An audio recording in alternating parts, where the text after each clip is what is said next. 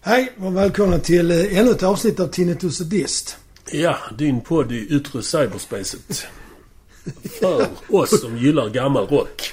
Den ligger liksom på kanten av Ja. universum. Den är både analog och digital. Detta är alltså efter det observerbara universum som vår podd ligger. Ja, just det. Så det är allra ytterst.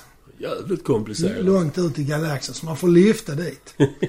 Men då kan man ju ha en guide faktiskt. Ja, till galaxen. Japp. Eh, Idag, ja, jag heter Ulf Österlind förresten. ja, Palle Arvidsson heter jag. Jag Men det- brukar spela gitarr. Och jag trummor. Men det vet ni. Ja. Så det ska Vad är det ni- mer vi ska säga? Jo, vi har en eh, Spotify-lista. Just på det. Spotify som heter Tinnitus och Dist. Diger. Ja, den är lång nu. Det är den faktiskt. Man får Eh, två skärmar för att få plats med hela. eh, sen har vi faktiskt en webbsida också. Mm.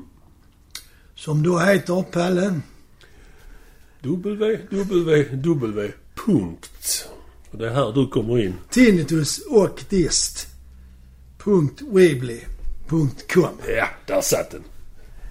Det tror vi. Och vad hittar man där? Där hittar man lite filmer och lite eh, grejer och lite runt omkring och lite skriverier också. Ja, det är, det är inte så mycket. Men det kan bli mer. Ja.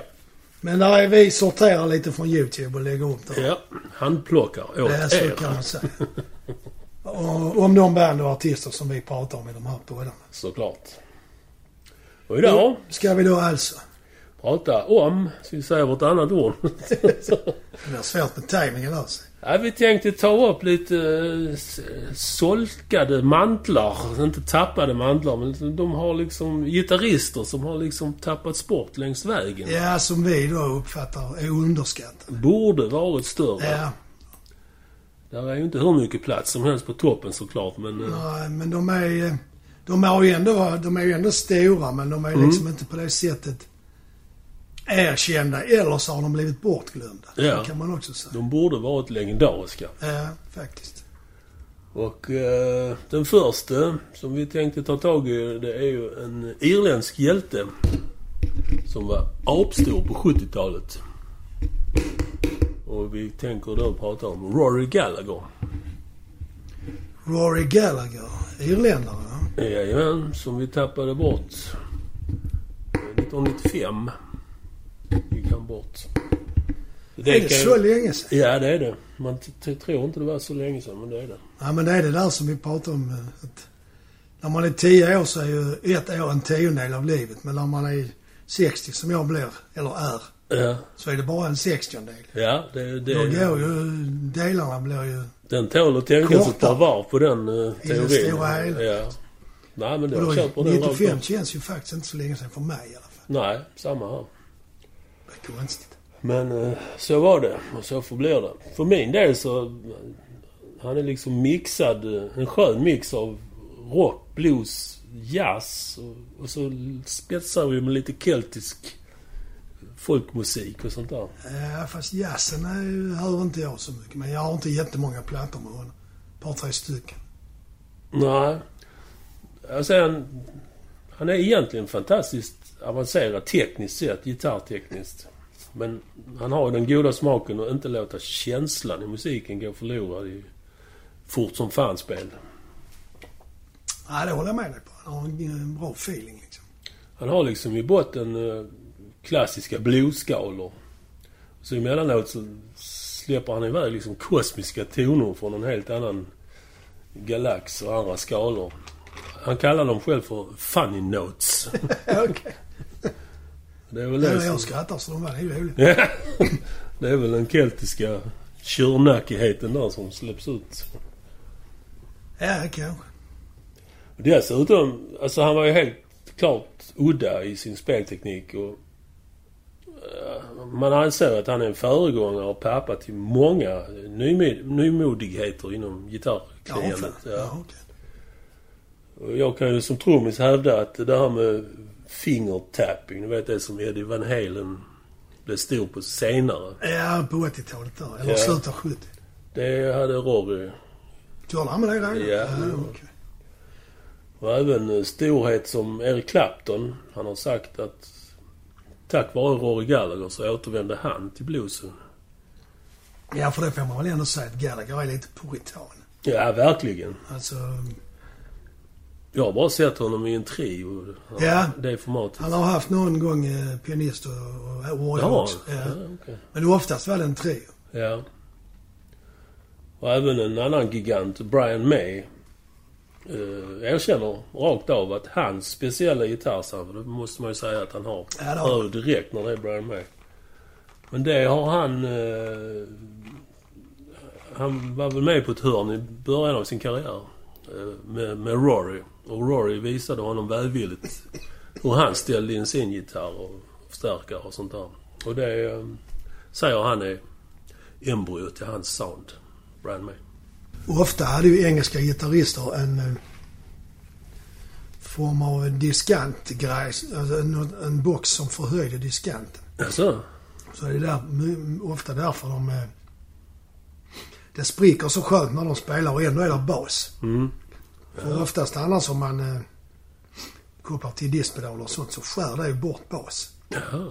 Men de, jag kommer inte ihåg vad de hette, men det var någon enkel sak med in och ut bara. Så på vägen där så höjdes diskanten. Ja, treble boost kan det ju heta. Jaha. Ja, ja. Och där stänger vi teknik. Ja, men det förklarar lite till exempel som han i... Dels Rory Gallaghers sound, men även han i eh, Black Sabbath, Tony Iommi. Om, han- om han inte hade haft en pedal så hade det soundet varit väldigt mycket mörkare. Han har rätt spensligt ljud i sin Mm. Ja, gitarr. men det är ju ändå med topp. Det är Ja, inte ja, bara ja. bas liksom. Nej, det är sant. Ja, det var ett sidospår. Ja, på tal om utrustning så eh, Rory köpte... 1963 köpte han sin första Fender... Det var den första Fender Stratocaster som levererades till Irland. Och den eh, gitarren i alla fall, den har han behållit under hela sin... Han har antagligen haft fler. Men man kommer ihåg en brun Strata som Sliten. var oerhört sliten. så det måste ha varit den. Ja, jag tror det faktiskt. På tal om det så spelade jag med en kille som bör- också i början av 60-talet beställde en vänsterhänt Fender Stratocaster från USA. Och Den kom och han är rätt så temperamentsfull och känslostyrd. Så att han slet upp paketet och slet upp gitarren och liksom wow, coolt. Och sen så hi- såg han att det låg ett handskrivet brev i fodralet från självaste Leo Fender. Där han tackade honom för att han var den första i Skandinavien som hade beställt en vänsterhänt. Ja, fan, det är ju ändå lite kul. Det Var det där Henriks fick det ifrån? Antagligen. Men det, det knucklade han ihop och slängde det brevet. Såklart. Vem fan är Leo? hade han behållit det brevet tillsammans med gitarren så hade han nog kunnat lägga till en nolla till Ja, det värdet. tror jag faktiskt. Det är eh, så. Han blev erbjuden rätt mycket pengar för den gitarren. På 80-talet skulle ju alla gitarrister, högerhänta gitarrister spela på Ja, för det var vänstergitarren. lite kul. så- Ja. ja precis. Så den, även utan Leos brev var den värd mycket pengar. Ja, ja. Ja, ja, det var inte det. Sålde han den någonsin förresten? Kommer jag med en bifråga här som inte har med Nej, det tror jag inte. Nej, okej. Spara till pension. Han köpte en Gretsch senare, men han fick dåligt samvete för att han inte spelade på sin Stratocaster, så han gick tillbaka till den. De hade ett speciellt förhållande. Ja, det var lite till vänster. Eh, Varför är han då inte på alla släppar fortfarande? Frågar sig vän av ordning såklart. Ja, det gör man ju faktiskt. Jag tror det beror på tre saker. För det första, alla irländare de är ju härligt tjurnackade. Envisa. Eh, och för det andra, han vägrade att släppa singelskivor. Det är ju rätt konstigt. På den tiden var det ju väldigt behövligt för att bli spelad i radion. Ja, och det var ju inte bara Zeppelin som vägrade det annars. Alltså de också? Ja, de gjorde aldrig det. Han kanske tänkte göra en Zeppelin Möjligen. ja. som sprack. Ja. Och för det tredje, han har tackat nej till en hel del feta erbjudanden från olika band. Ja, men det finns en annan aspekt också. Ja, Det är ju det att den musiken är ju... Det blir ju färre och färre. Det är ju inte liksom innemusik, inte ens innan han dog. Nej, nej, nej. Och det är ju ändå så ganska länge sedan, 95. Ja. Så det har ju, den är ju stor bland någon som gillar sån musik, men Ja. den är ju inte stor på listor längre.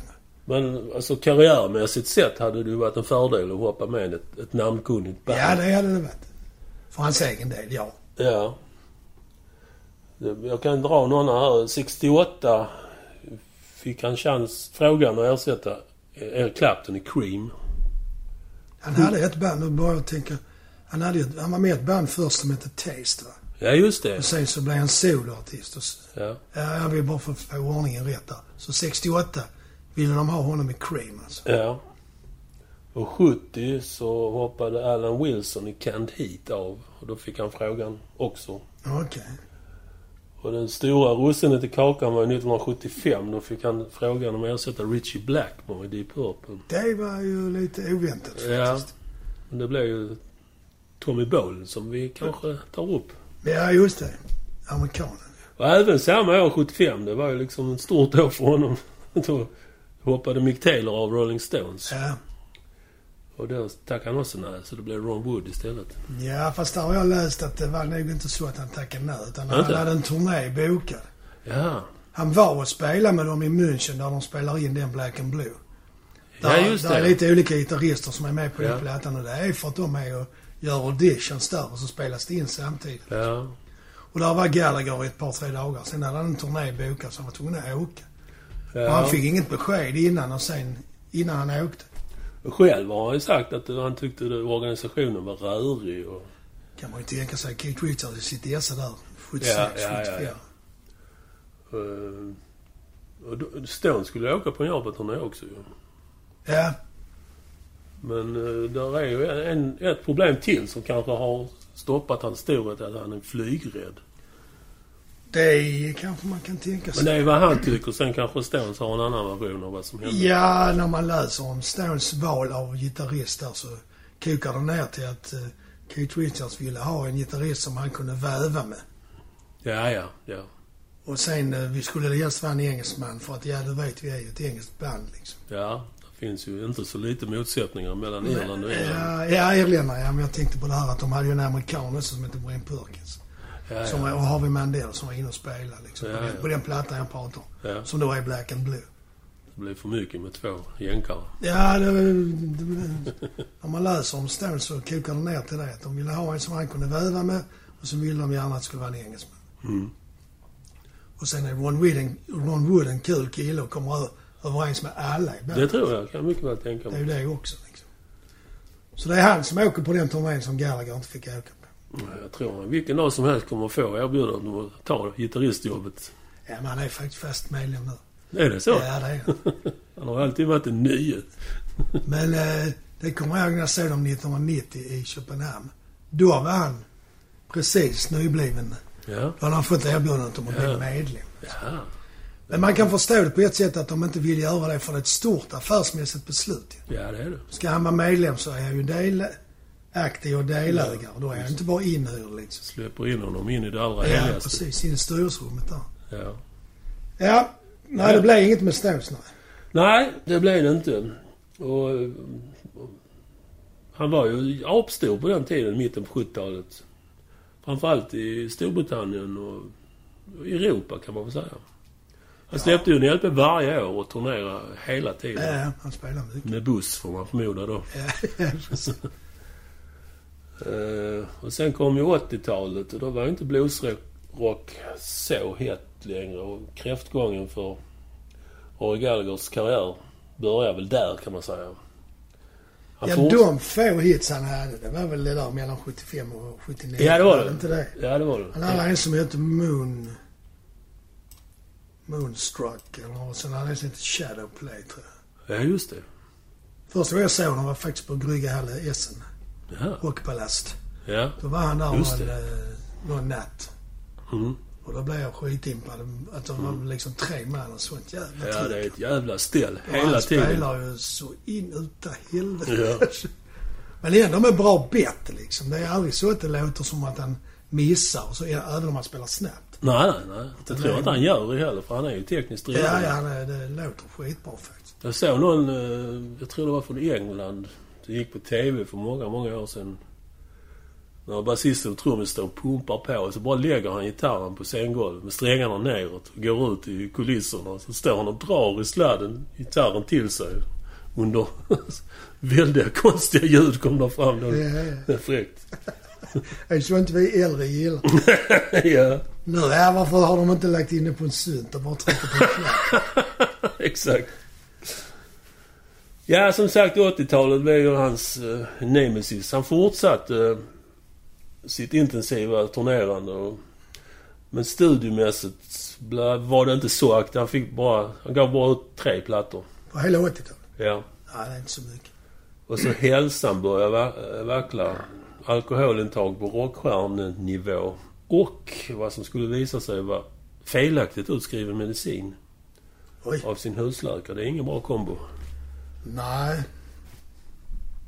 Men eh, det kom ju ett 90-tal och då eh, såg det ut som eh, Rory skulle resa sig ur askan. Han släppte albumet Fresh Evidence.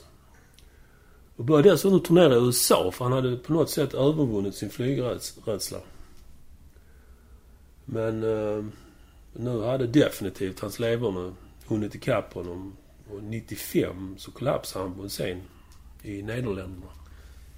Ja, alltså var det inte någonting med att han eh, fick uh, levertransplantationer eller något sånt? Jo, det stämmer. Han fick en eh, second opinion från en annan läkare.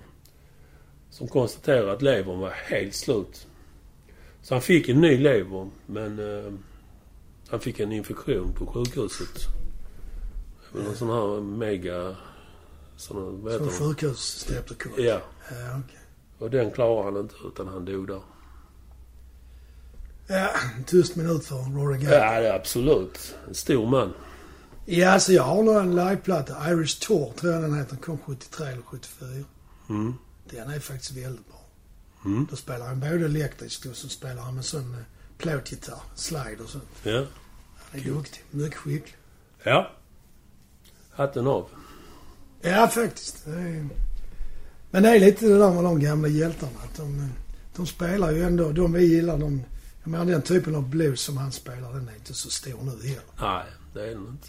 Där finns ju en del giganter, men- men där jag tycker han borde vara med. Ja, ja, liksom. jag håller med. Ihågkommen, men Ja. sorgligt nog inte. Nej, det är trist, det är det faktiskt. Ja. Med det så släpper vi väl in vår lilla påsfågel. Ja, han har gått upp i vikt, så det kan bli fetare trumslag denna gång. Är det möjligt?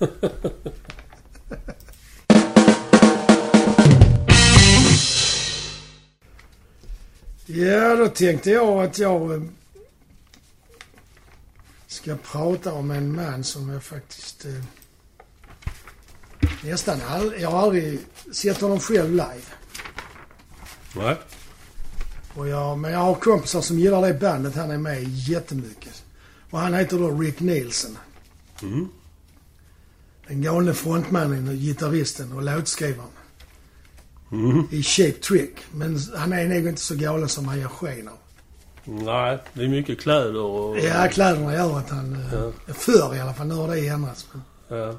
Men han är bra och driven, energisk framförallt. Men liksom, Mm. han spelar med jävla energi och trycker på liksom bandet. Det är ett riktigt, riktigt arenarockband. Ja, det är det. Men de spelar inte på arenor nu så mycket. Gör inte det?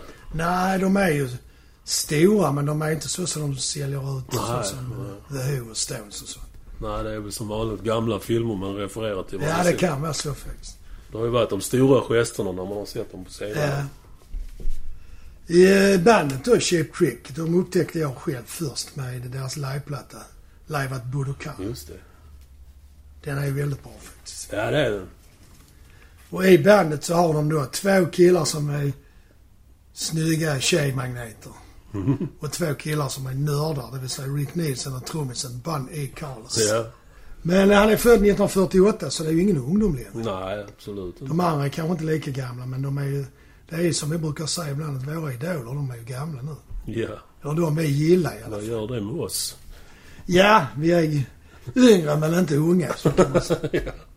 Jag skulle bara säga om han Bunny Carlos, han är en frenetisk, övernördisk trumsamlare. Än det, ja fan. Jag har sett bilder från hans, ja källare ska jag inte säga utan det är väl... Lager. Ja. Där är ja, säkert varenda Ludwigset som har getts ut från 1909. Ja, fan.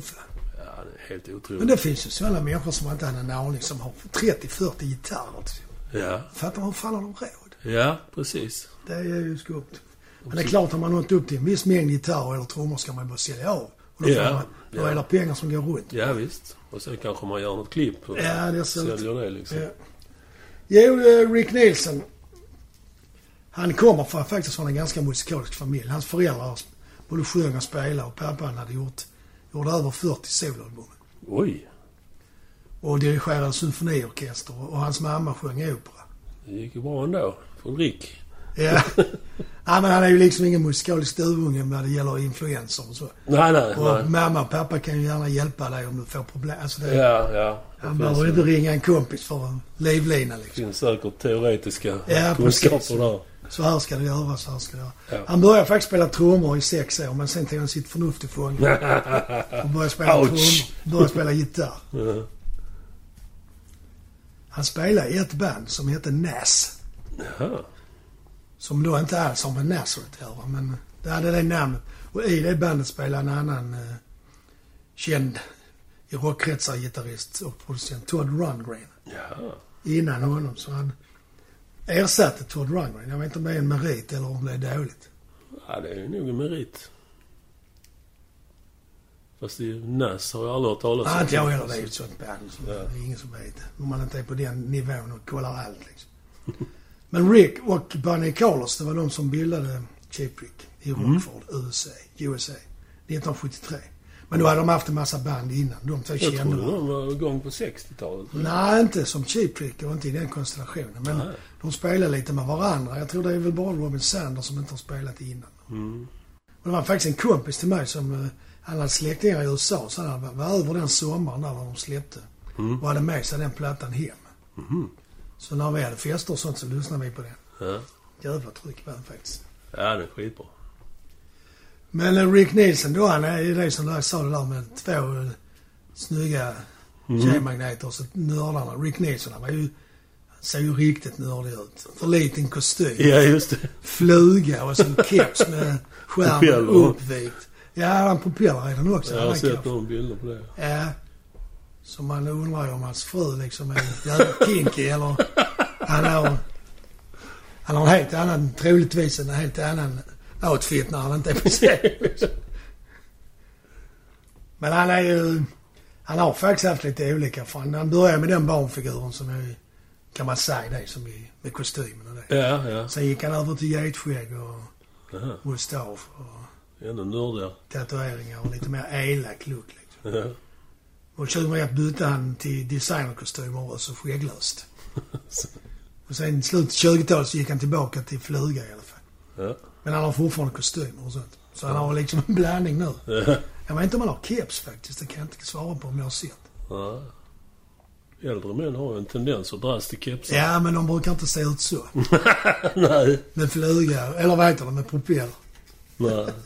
Jag läste någonstans, både han och trummisen Ban E. Carlos, de va- medverkade mer eller mindre på eh, John Lennons sista album, Double Fantasy. Ja, de var med på det där, men det, har, det gavs inte ut förrän... Eh, det är inte med på originalalbumet, men sen när det kom såna här Det blev eh, Extra en platta grejer till. och sånt. Ja.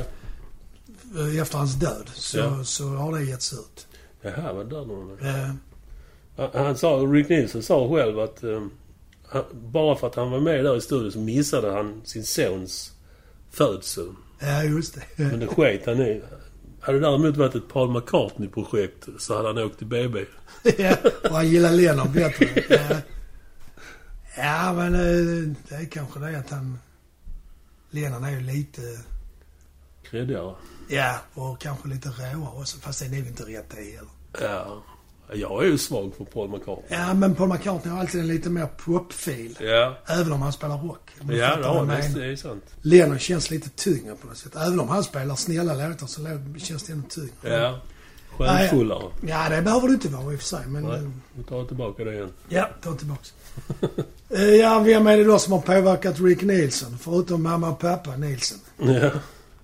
Det är ju sådana som eh, Chuck Berry, B.B. King, Duane Eddy, Hendrix. Mm.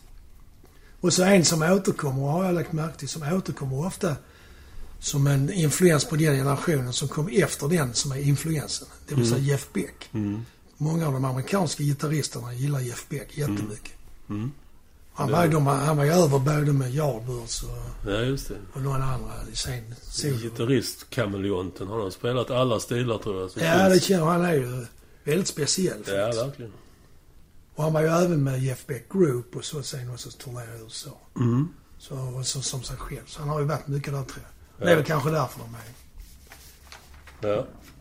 Vad ska man säga om hans stil då?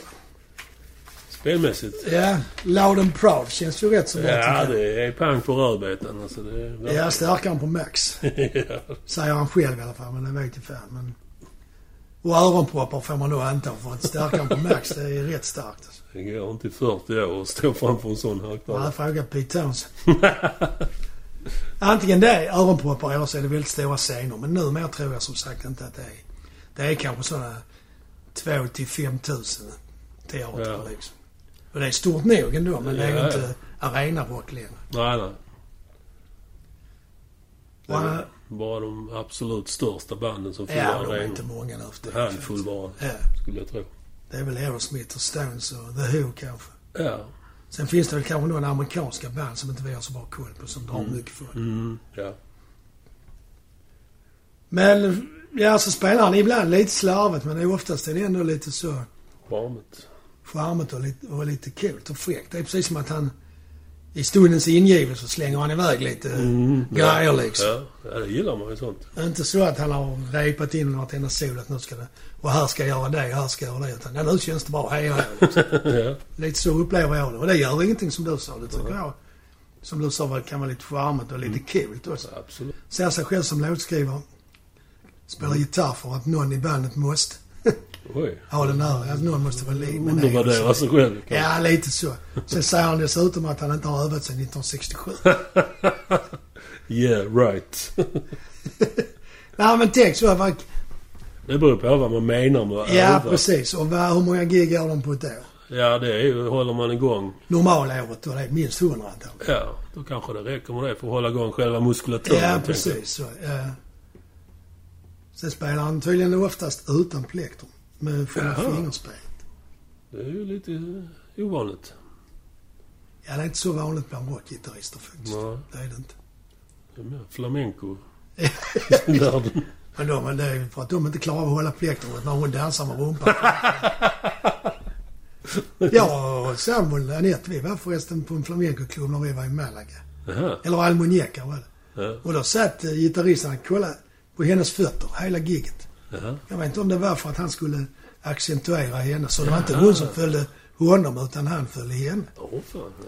Det tyckte jag var lite intressant faktiskt. Det ska vi inte importera till Sverige. Nej, flamenco. Nej, flas- det var jävligt kul faktiskt. Nej, men jag menar beteendet. Nej, nej, titta. titta på fötterna på folk. För att återgå till Rick Nielsen så han har ju en jävla massa gitarrer. Han byter i stort sett hela ja, det, är ju- det har man ju sett bilder på. Ibland kan han byta tre gånger i en låt till exempel. Det är helt absurt egentligen. Men det är en gimmick det också. Ja. Men han använder ibland en femhalsad gitarr som han har fått specialbyggd. Ja, de- är det inte en mandolin och grejer? Ja, det kan det vara också. Ja, men Jag läste om när han eh, tänkte ut att han ville ha en sån gitarr så tänkte han att han skulle ha en sexhalsad egentligen. Och så skulle den se ut som ett skeppshjul, du vet. Så att Ja, gitarren, ja, så. Ja, okej. gitarr, halsarna stack ut på alla håll. Men eh, han, han la ner det projektet för Billy Gibbons eh, han, han, före, han hade ju en snurrande gitarr. Ja, det körde de på ett ja, Ja. någon Ja, turné. bägge två. Där stod Ja. också. Och då tyckte han att det, var- det var lite för mycket copycat och ha Ja. gitarrhalsar runt. Så så att det blev, då blev det den femhalsade istället. Men han säger själv också att eh, numera använder han inte den så ofta för han är ju, han är ju lite äldre och den är tung. Jag kan tänka mig. Bara strängarna väger väl sju kilo. Och så fem halsar och så då en, eh, sån... eh, Det är ju antagligen inte mahogny. Eller vad heter det? Balsarträ. Nej, nej, nej. Så den är ju lite... Plankan är ju liksom tjock och Ja, väger. som en mangel. Ja, men vilken sort. Han samlar ju också såklart på gitarr. Det kan man ju förstå i och för sig. Och det sa han nog att det det är lite skälen till att han byter gitarr. För att han har så många som vill spela på dem. Liksom. Jaha. Men han kör på samma starkare sedan 1977. Och det är ganska ovanligt för de flesta är ju inte så utan de... eh, Åker man på en turné så hyr man in alla på hylor. Ja, just det. Det är han och Charlie Watts. Charlie Watts körde med sitt eget trumset alltid. Samma, ja. ja. Eh, och så sånt low key liksom. Man kan ju tänka sig att båda de två har säkert fått erbjudande om Stora feta sponsorer. sponsor, ja. På tal om det så Vila i frid Charlie. Sorgligt. Ja. Vi hade tänkt göra en specialare om honom men eftersom alla andra redan har gjort det så gör vi inte det. Nej. Utan vi ska göra en om hans fru. Vi återkommer.